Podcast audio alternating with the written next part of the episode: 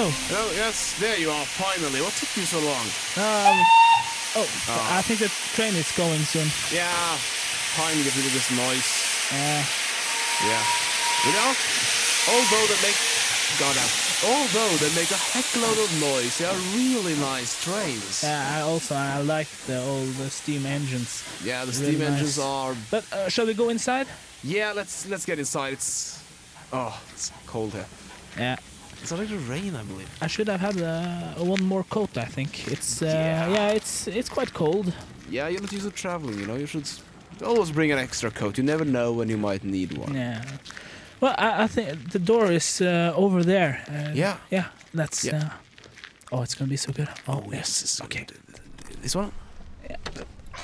There we are. Ah, wonderful. Yeah. Oh, Waiting. This waiting room wasn't so bad. Yeah, it wasn't so bad. I expected it to be somewhat more run down, actually. Yeah. Well, let's have a seat. Yeah. Mm, yeah. So now, where are we? Yeah, Berkåk, Uh, just but an hour south of Trondheim. hours south of Trondheim. Uh, Why are we an hour south of Trondheim?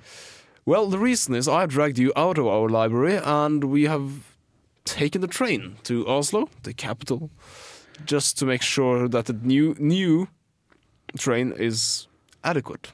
Yeah. So far, we hadn't had a chance to be on the new train, but still, we Yeah, we've we- we've been on the old steam train, and uh, I must say I, I like the steam train. yeah, I like the when you have restaurants. Yeah, restaurant wagon. Oh, they they have so yeah. much good food there. Oh yes, I mean you could even have a four-course dinner Oh yeah, that's train. nice. I mean that's really nice. that's almost like being at home. Quite.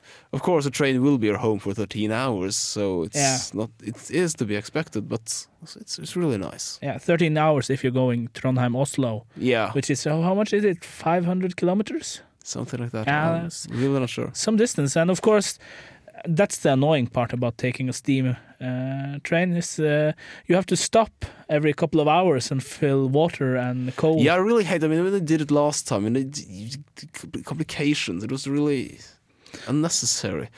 But uh, But now there, there's coming a new train. yeah, I know. I, w- the reason we're here, after all, what do we- we're not all that fond of it. I mean, the, the idea of taking a train is you, you sit on train and you take you, you actually take the train.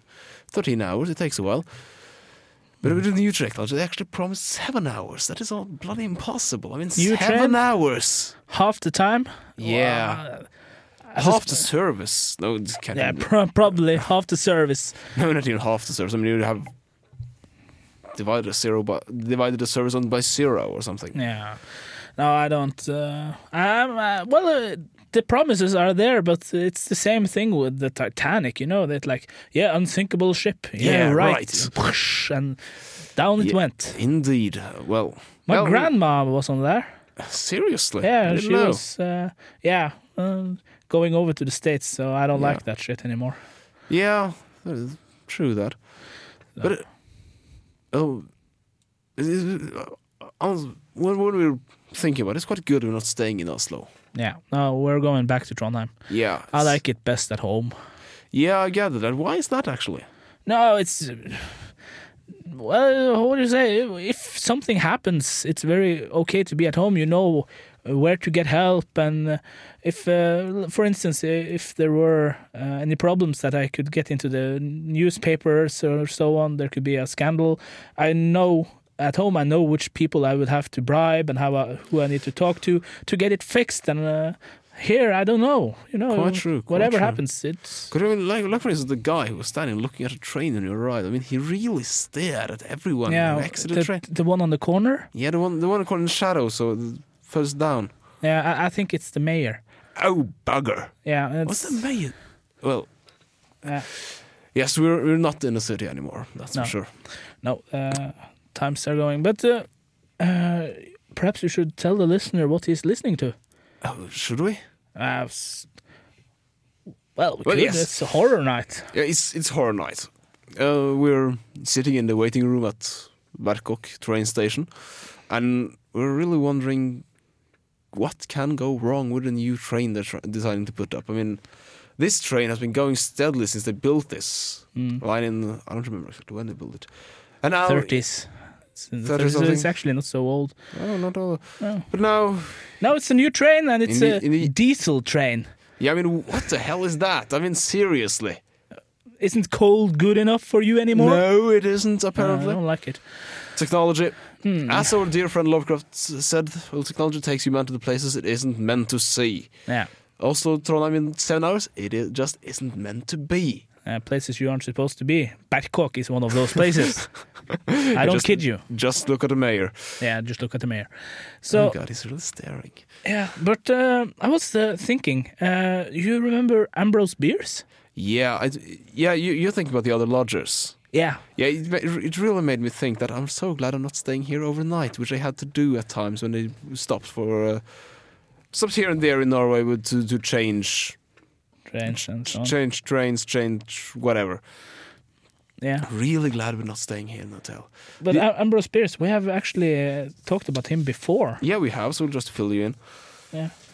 He died an old man, but Yeah. uh, no one knows where. That's no, they don't really know exactly when either because he just disappeared on a trip, which is. Do, do you remember the? There was a guy who just disappeared. No, no, sorry. Uh, I know he's well best known for his short stories, satirical short stories mostly. Yeah. And Devil's, satir- Devil's, Devil's Dictionary, wasn't that him? The Devil's Dictionary, that was him. Same person. That's cool. Same guy, indeed. So while we sit here and wonder about the mysterious of travel, we will actually listen to the other lodgers by Ambrose Bierce. The Other Lodgers by Ambrose Bierce. Reading by Bologna Times. In order to take that train, said Colonel Levering, sitting in the Waldorf Astoria Hotel, you will have to remain nearly all night in Atlanta.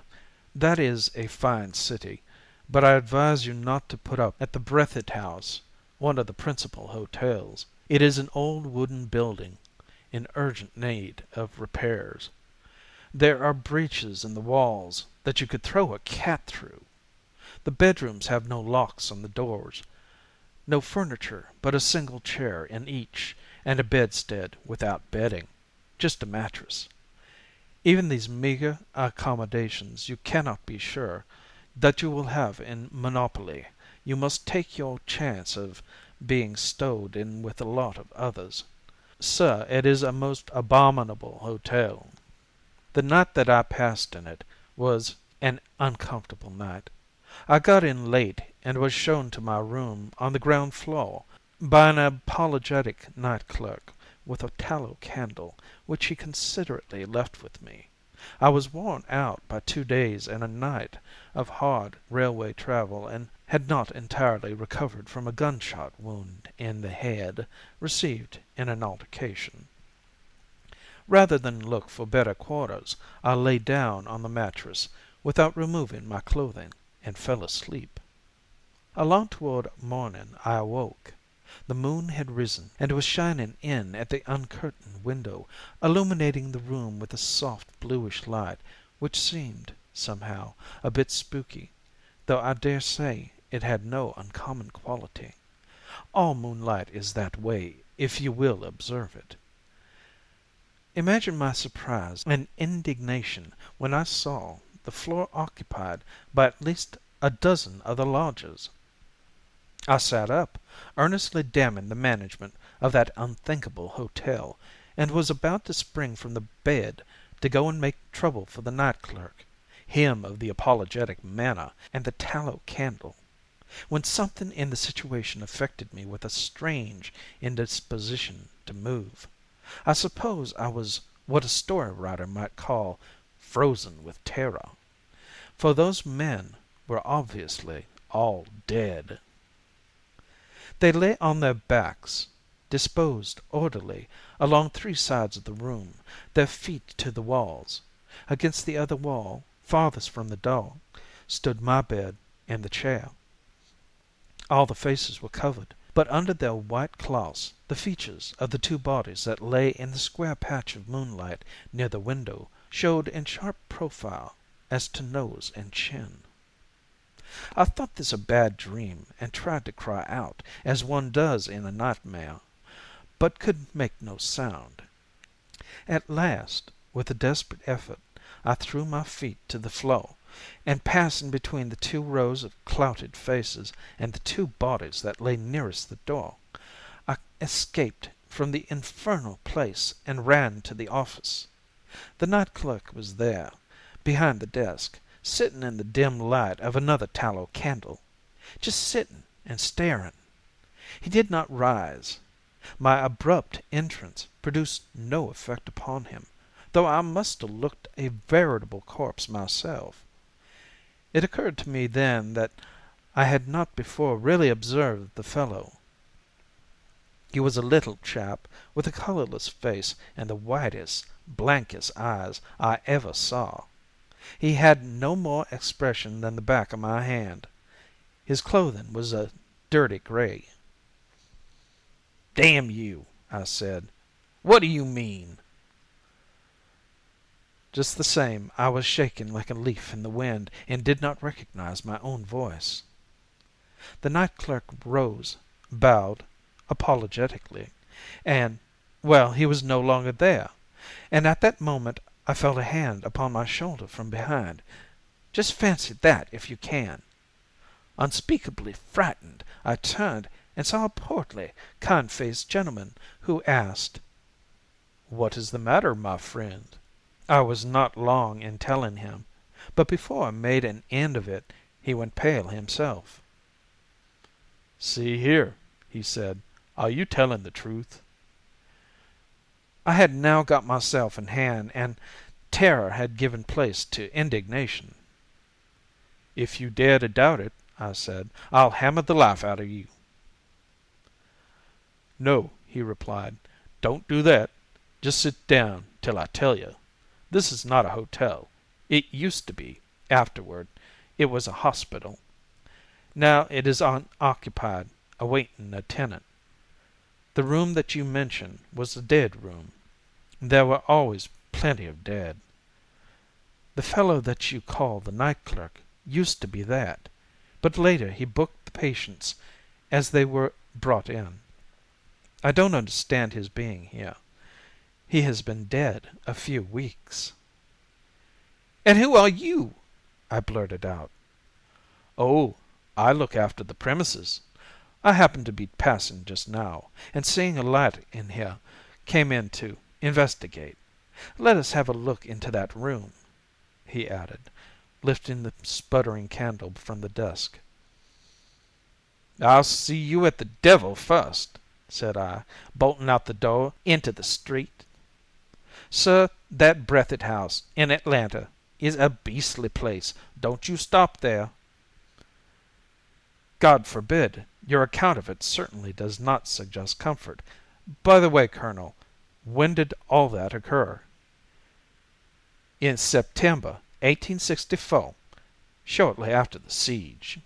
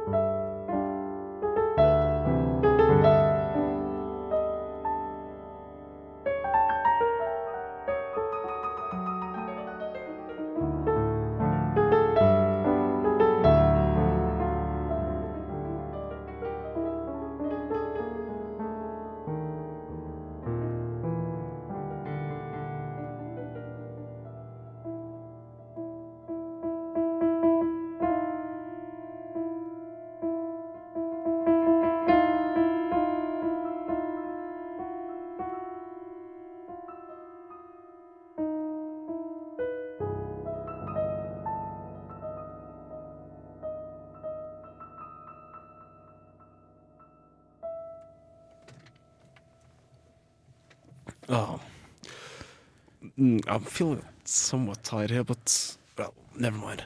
The, the chair sounds so very good here. No, I mean, try to sleep in them. It just just doesn't work out at all. No.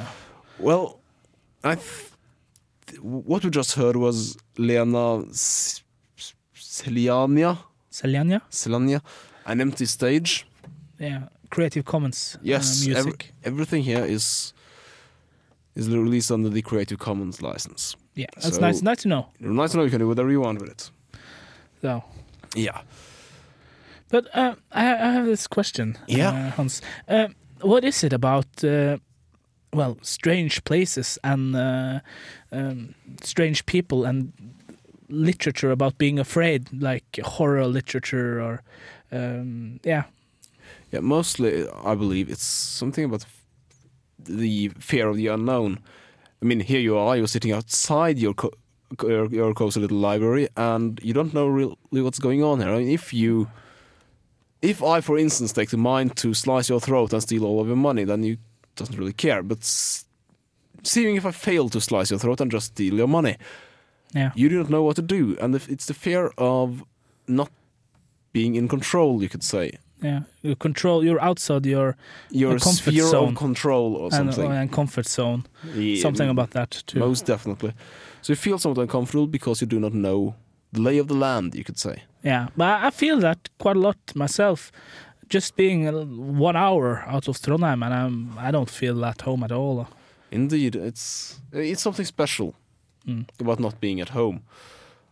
Uh, so it's uh, partially, been partially fear of the unknown and partially fear of what you do know because you do hear all sorts of stories about these places. yeah, it's been an inspiration probably to a lot of the great uh, writers. Quite probably. Oh. Most of them deal with, like for instance, Bierce. Yeah, Yeah. that's very nice. Indeed, it is. So, but uh, oh, I think the train is late or something. You do? Well, wait, wait! There it is.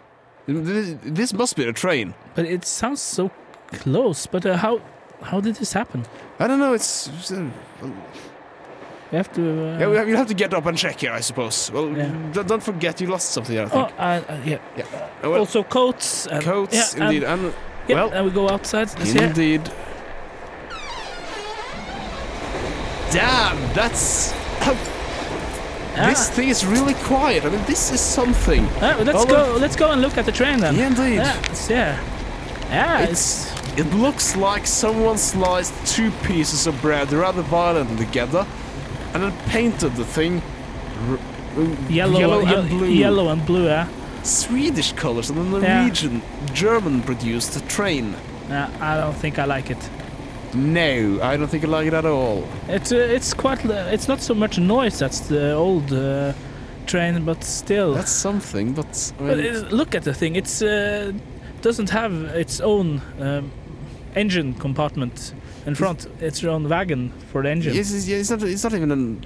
Yes. It's just they put everything into one piece of bread that is 20 meters long and blue and yellow, Indeed. and the round edges everywhere. Oh God. Oh God. But, but I don't get it. Uh, that's this is what I like about uh, steam trains. They have a lot of personalities. They have a lot of edges. They look like the revolution of technology. this is two pieces of bread. This is two pieces of bread. Rather ugly pieces of bread, I might add. Yeah, with Oversized, Swedish ugly- with Swedish colors. Yeah, with Swedish colors. I mean, the Swedish color spot is really nagging. Oh God. Well, I suppose you have to get into this at some Uh, point. or they will probably drive away. Uh, yeah, probably. Well, well, yes, we'll have to get into this. So let's see what's inside of this then.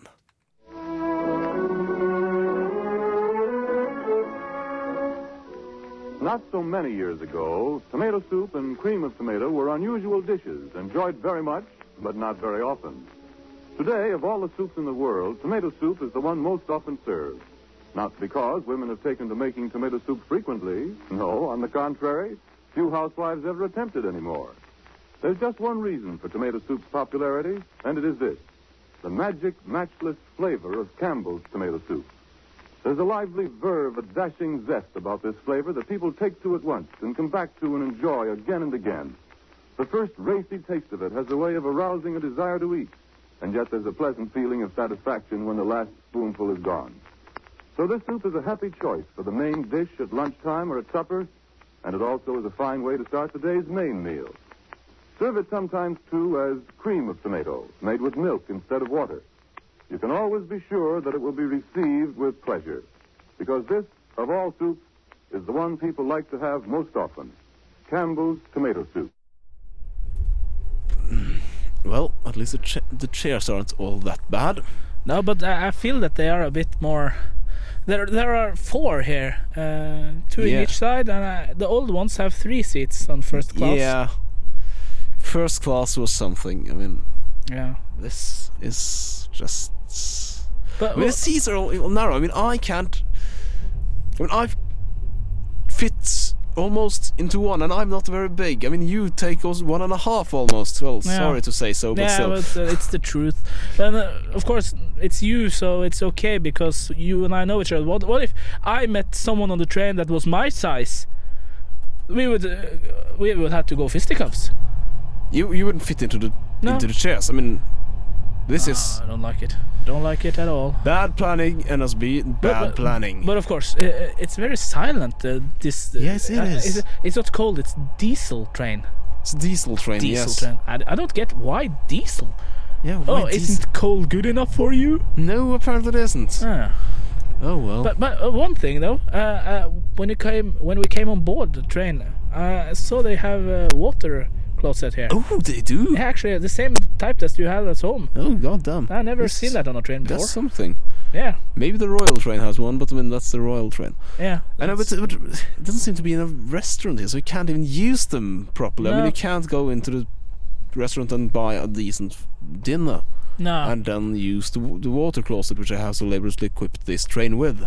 so uh, they have like given you A but not B, so it's Indeed. stupid. They, or rather, they're giving you B, but not A. And of course, there is always a lot of people here. Uh, Yeah, we can even. There's no children here. Actually, that's quite That's nice. a blessing. It's- That's a blessing. yeah, there could have been children here crying their asses off. Or complaining about the monotonous scenery. Yeah. Oh God. Oh, Yeah, it's actually- only forest. Me, me, me, me. It's only. se- Why are the sheep there? Why are the grass green? Yeah, you know. And so of, of course, there could be uh, maniacs, of course. There could be So- maniacs. I mean, the, the Yeah. other guy fiddling with his.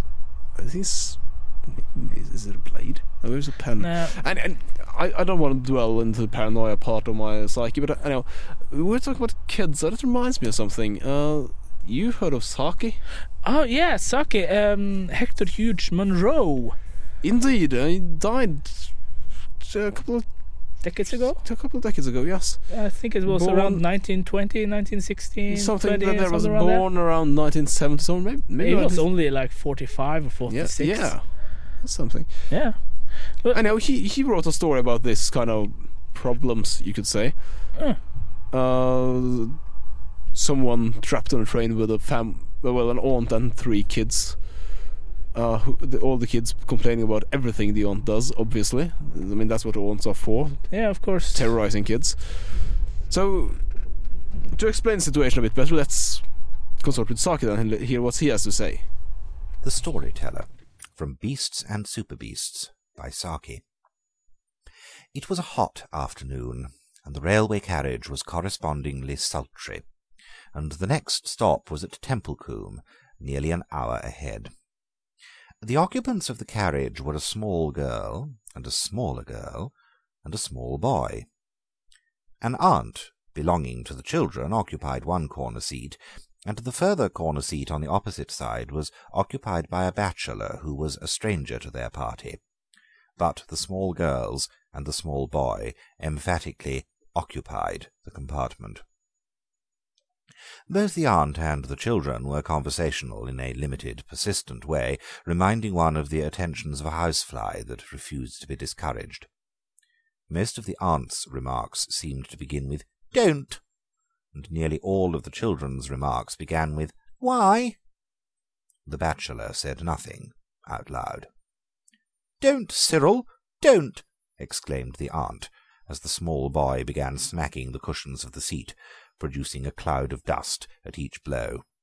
"Come and look out of the window," she added. The child moved reluctantly to the window. Why are those sheep being driven out of that field? he asked.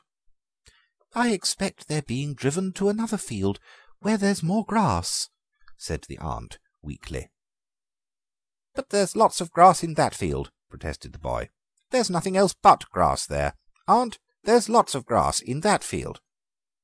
Perhaps the grass in the other field is better, suggested the aunt fatuously. Why is it better? came the swift, inevitable question. Oh, look at those cows! exclaimed the aunt. Nearly every field along the line had contained cows or bullocks, but she spoke as though she were drawing attention to a rarity. Why is the grass in the other field better? persisted Cyril. The frown on the bachelor's face was deepening to a scowl. He was a hard, unsympathetic man, the aunt decided in her mind. She was utterly unable to come to any satisfactory decision about the grass in the other field. The smaller girl created a diversion by beginning to recite On the Road to Mandalay. She only knew the first line, but she put her limited knowledge to the fullest possible use. She repeated the line over and over again in a dreamy but resolute and very audible voice. It seemed to the bachelor as though someone had had a bet with her that she could not repeat the line aloud two thousand times without stopping. Whoever it was who had made the wager was likely to lose his bet. "Come over here and listen to a story," said the aunt, when the bachelor had looked twice at her and once at the communication cord.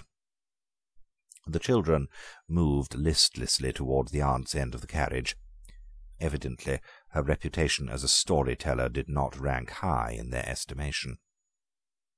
In a low, confidential voice, interrupted at frequent intervals by loud, petulant questions from her listeners, she began an unenterprising and deplorably uninteresting story about a little girl who was good and made friends with everyone on account of her goodness, and was finally saved from a mad bull by a number of rescuers who admired her moral character.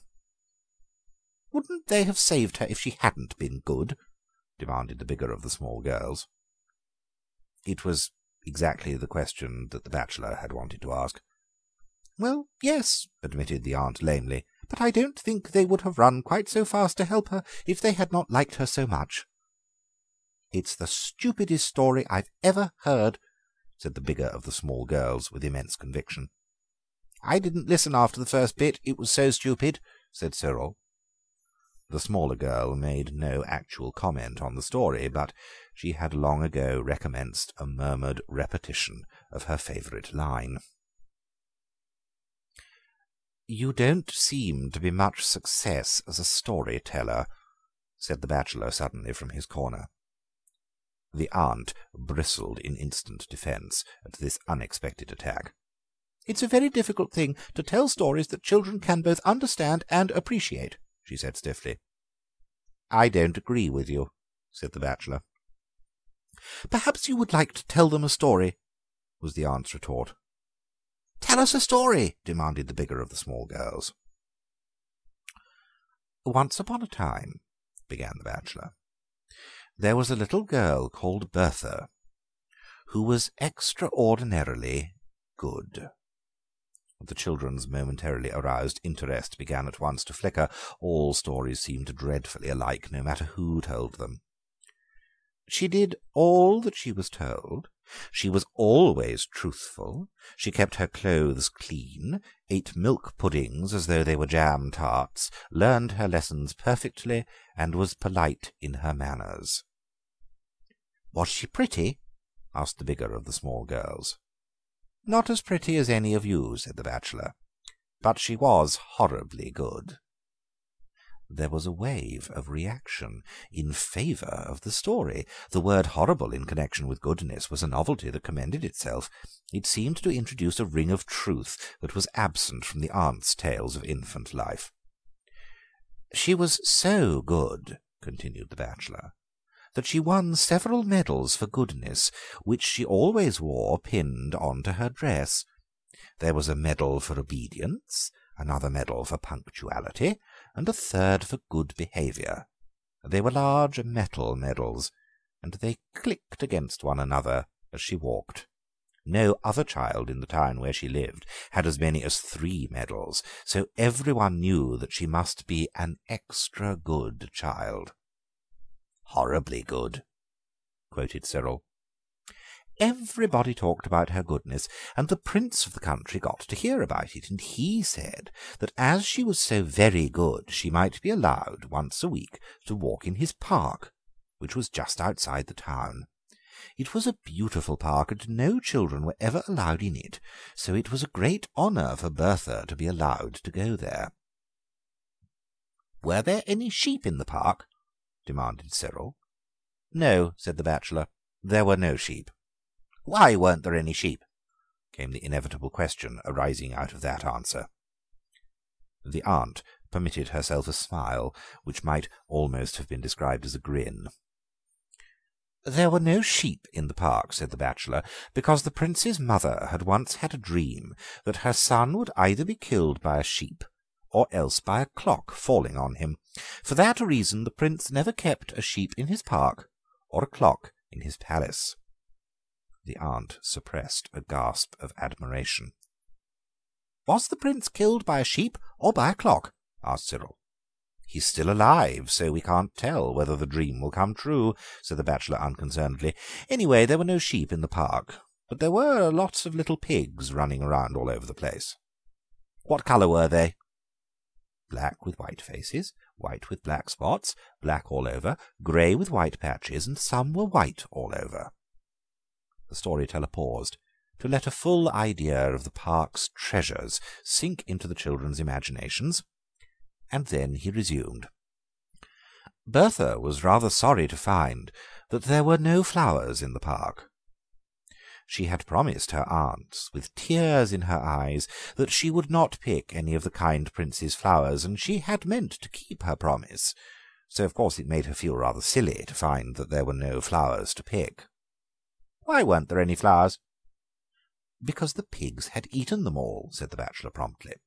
The gardeners had told the prince that you couldn't have pigs and flowers, so he decided to have pigs and no flowers. There was a murmur of approval at the excellence of the prince's decision. So many people would have decided the other way. There were lots of delightful things in the park.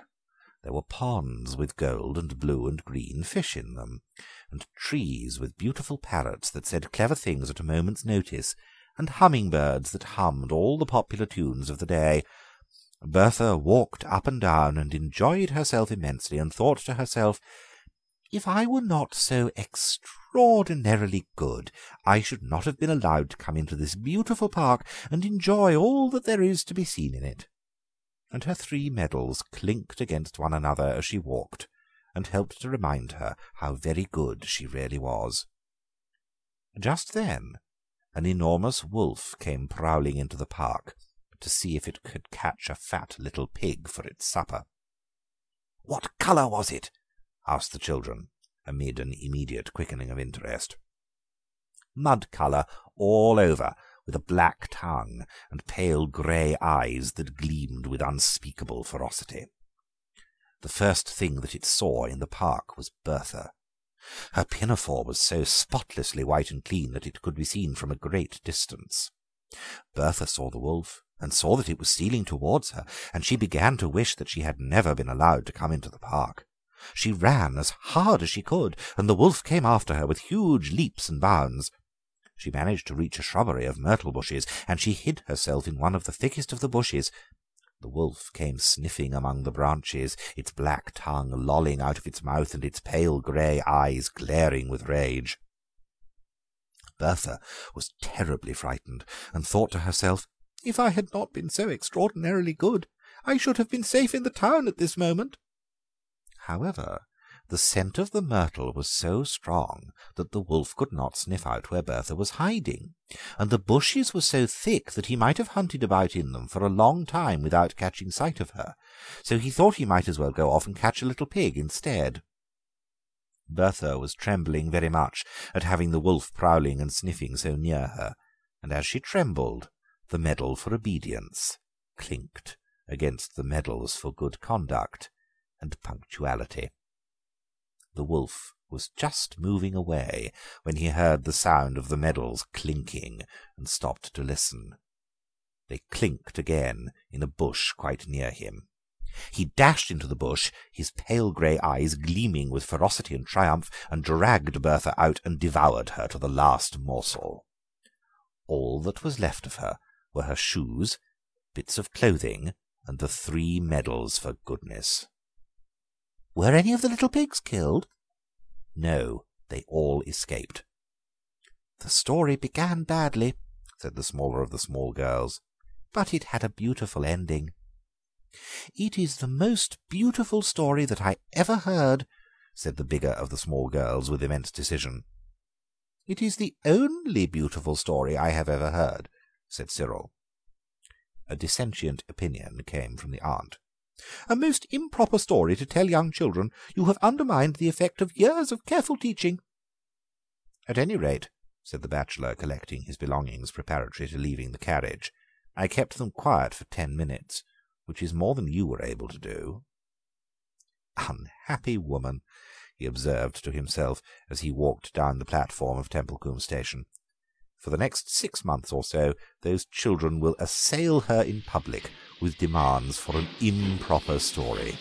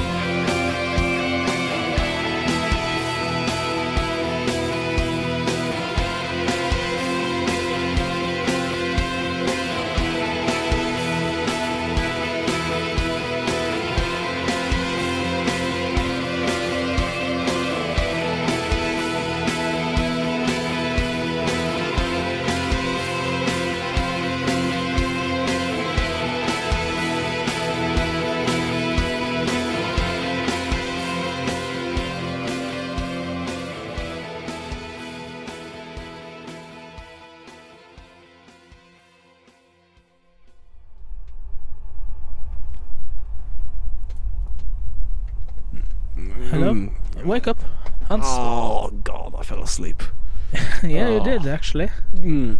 Oh, this. I can now inform you that these sleeps are horrible. Seats are horrible for sleeping. I'm absolutely. I, I, actually, I don't have to sleep to tell you that. I can tell that they're horrible for staying awake and for sleeping. Horrible for most things, actually. Oh God. Mm. You were twitching back there. What's What was that all about? Did you Uh, have a well, I- dream or anything? Yes, I had a rather weird dream. It's a very, very weird dream. Okay. I think it was that you mentioned Titanic. Yeah. I, I dreamt about a boat to the United States, and we were on it. Well. You you were rather seasick, and you were really, really, really afraid. We were shaking all the time. uh, me on a me on a big boat? I don't think so. No, Uh, I don't like him. If that dream are even half true, I don't think so either, because you ended up dying.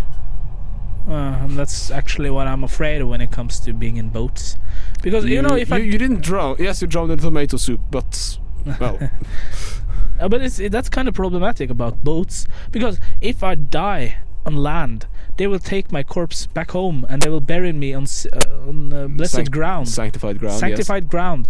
But if I die out at sea, they will just put my corpse over the side of the boat and just leave me.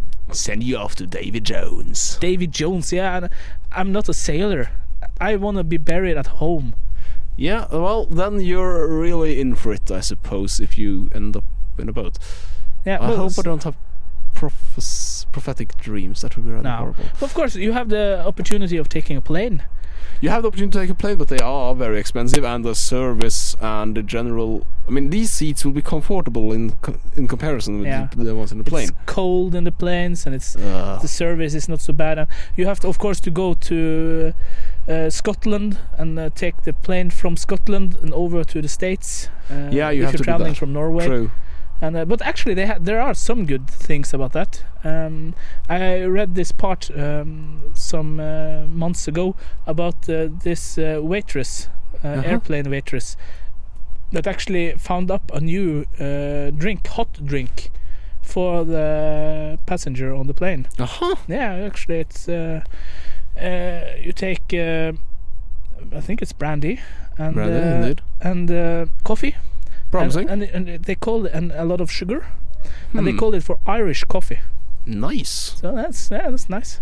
That's something. Hmm. That's something and a half, actually.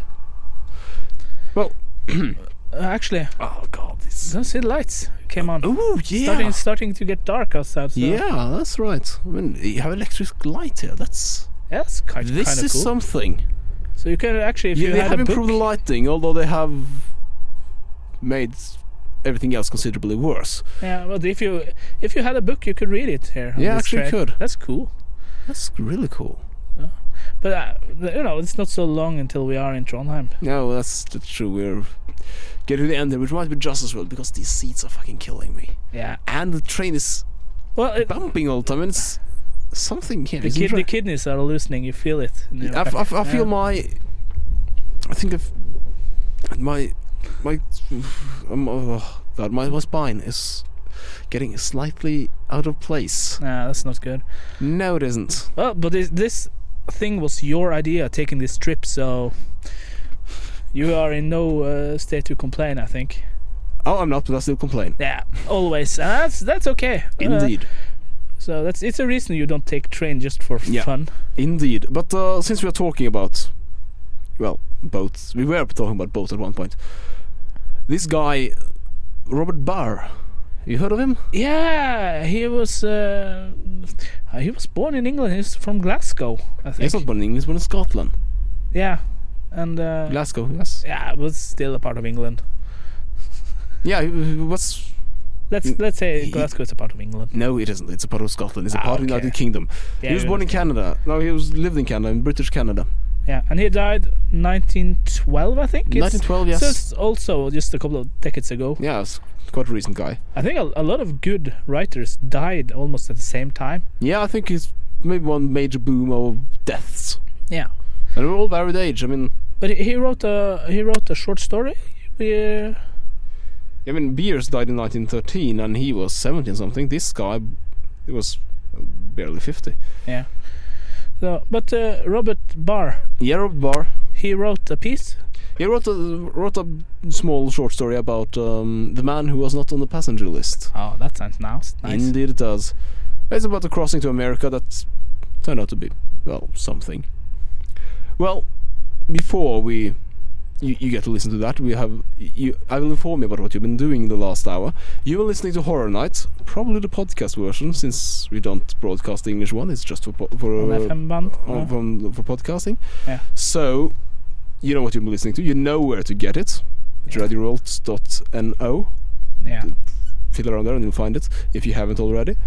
Our uh, the pieces that we have played this evening has been from LibriVox. They are recorded by the good guys at LibriVox, indeed. And we have a mail address horror night at radiorevolt.no. Give If- us a shout. If you have any inquiries to anything, Mm. the authenticity of the train, for instance. Yeah. And so now I'll bid you good night, and we'll hear The Man Who Was Not on the Passenger List by Robert Barr. The Man Who Was Not on the Passenger List by Robert Barr. The well sworn lie, frank to the world with all the circumstance of proof, cringes abashed and sneaks along the wall at the first sight of truth. The Gibrontus of the Hot Cross Bun Line was at one time the best ship of that justly celebrated fleet. All steamships have, of course, their turn at the head of the fleet until a better boat is built, but the Gibrontus is even now a reasonably fast and popular boat. An accident happened on board the Gibrontus some years ago, which was of small importance to the general public, but of some moment to Richard Keeling, for it killed him. The poor man got only a line or two in the papers when the steamer arrived at New York, and then they spelled his name wrong. It had happened something like this. Keeling was wandering around very late at night, when he should have been in his bunk, and he stepped on a dark place that he thought was solid. As it happened, there was nothing between him and the bottom of the hold but space. They buried Keeling at sea, and the officers knew absolutely nothing about the matter when inquisitive passengers, hearing rumours, questioned them. This state of things very often exists both on sea and land, as far as officials are concerned. Mrs. Keeling, who had been left in England while her husband went to America to make his fortune, and tumbled down a hole instead, felt aggrieved at the company. The company said that Keeling had no business to be nosing around dark places on the deck at that time of night, and doubtless their contention was just. Miss Keeling, on the other hand, held that a steamer had no right to have such man-traps open at any time, night or day, without having them properly guarded, and in that she was also probably correct. The company was very sorry, of course, that the thing had occurred, but they refused to pay for Keeling unless compelled to do so by the law of the land, and there matters stood. No one can tell what the law of the land will do when it is put in motion, although many people thought that if Mrs. Keeling had brought a suit against the Hot Cross Bun Company she would have won it. But Mrs. Keeling was a poor woman, and you have to put a penny in the slot when you want the figures of justice to work, so the unfortunate creature signed something which the lawyer of the company had written out, and accepted the few pounds which Keeling had paid for room 18 on the Gibrontus. It would seem that this ought to have settled the matter, for the lawyer told Mrs. Keeling he thought the company acted very generously in refunding the passage money. But it didn't settle the matter. Within a year from that time, the company voluntarily paid Mrs. Keeling two thousand one hundred pounds for her husband. Now that the occurrence is called to your mind, you will perhaps remember the editorial one of the leading London dailies had on the extraordinary circumstance, in which it was very ably shown that the old saying about corporations having no souls to be condemned or bodies to be kicked did not apply in these days of commercial honour and integrity. It was a very touching editorial, and it caused tears to be shed on the Stock Exchange, the members having had no idea, before reading it, that they were so noble and generous. How, then, was it that the Hot Cross Bun Company did this commendable act when their lawyer took such pains to clear them of all legal liability? The purser of the Gibrontus, who is now old and superannuated, could probably tell you if he liked. When the negotiations with Mrs. Keeling had been brought to a satisfactory conclusion by the lawyer of the company, and when that gentleman was rubbing his hands over his easy victory, the good ship Gibrontus was steaming out of the Mersey on her way to New York. The stewards in the grand saloon were busy getting things in order for dinner, when a wan and gaunt passenger spoke to one of them. "Where have you placed me at table?" he asked. "What name, sir?" asked the steward. "Keeling." The steward looked along the main tables, up one side and down the other, reading the cards, but nowhere did he find the name he was in search of. Then he looked at the small tables, but also without success. "How do you spell it, sir?" he asked the patient passenger. K double E L I N G. Thank you, sir. Then he looked up and down the four rows of names on the passenger list he held in his hand, but finally shook his head. I can't find your name on the passenger list, he said. I'll speak to the purser, sir. I wish you would, replied the passenger in a listless way, as if he had not much interest in the matter. The passenger, whose name was not on the list, waited until the steward returned. Would you mind stepping into the purser's room for a moment, sir? I'll show you the way, sir. When the passenger was shown into the purser's room, that official said to him, in the urbane manner of pursers, Might I look at your ticket, sir? The passenger pulled a long pocket book from the inside of his coat, opened it, and handed the purser the document it contained. The purser scrutinized it sharply, and then referred to a list he had on the desk before him. This is very strange, he said at last. I never knew such a thing to occur before, although, of course, it is always possible.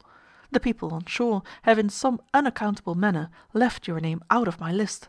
I am sorry you have been put to any inconvenience, sir. There has been no inconvenience so far, said the passenger, and I trust there will be none. You find the ticket regular, I presume? Quite so, quite so, replied the purser. Then, to the waiting steward, Give Mr. Keeling any place he prefers at the table which is not already taken. You have room 18. That was what I bought at Liverpool. Well, I see you have the room to yourself, and I hope you'll find it comfortable. Have you ever crossed with us before, sir? I seem to recollect your face. I have never been in America. Ah, I see so many faces, of course, that I sometimes fancy I know a man when I don't. Well, I hope you'll have a pleasant voyage, sir. Thank you. Number 18 was not a popular passenger. People seemed instinctively to shrink from him, although it must be admitted that he made no advances. All went well until the Gibrontus was about half-way over. One forenoon the chief officer entered the captain's room with a pale face, and, shutting the door after him, said, I am very sorry to have to report, sir, that one of the passengers has fallen into the hold. Good heavens! cried the captain. Is he hurt? He is killed, sir. The captain stared aghast at his subordinate. How did it happen? I gave the strictest orders those places were on no account to be left unguarded. Although the company had held to Mrs. Keeling that the captain was not to blame, their talk with that gentleman was of an entirely different tone. That is a strange part of it, sir. The hatch has not been opened this voyage, sir, and was securely bolted down. Nonsense! Nobody will believe such a story. Someone has been careless. Ask the purser to come here, please. When the purser saw the body, he recollected, and came as near fainting as a purser can. They dropped Keeling overboard in the night, and the whole affair was managed so quietly that nobody suspected anything, and, what is the most incredible thing in this story, the New York papers did not have a word about it. What the Liverpool office said about the matter nobody knows, but it must have stirred up something like a breeze in that strictly business locality.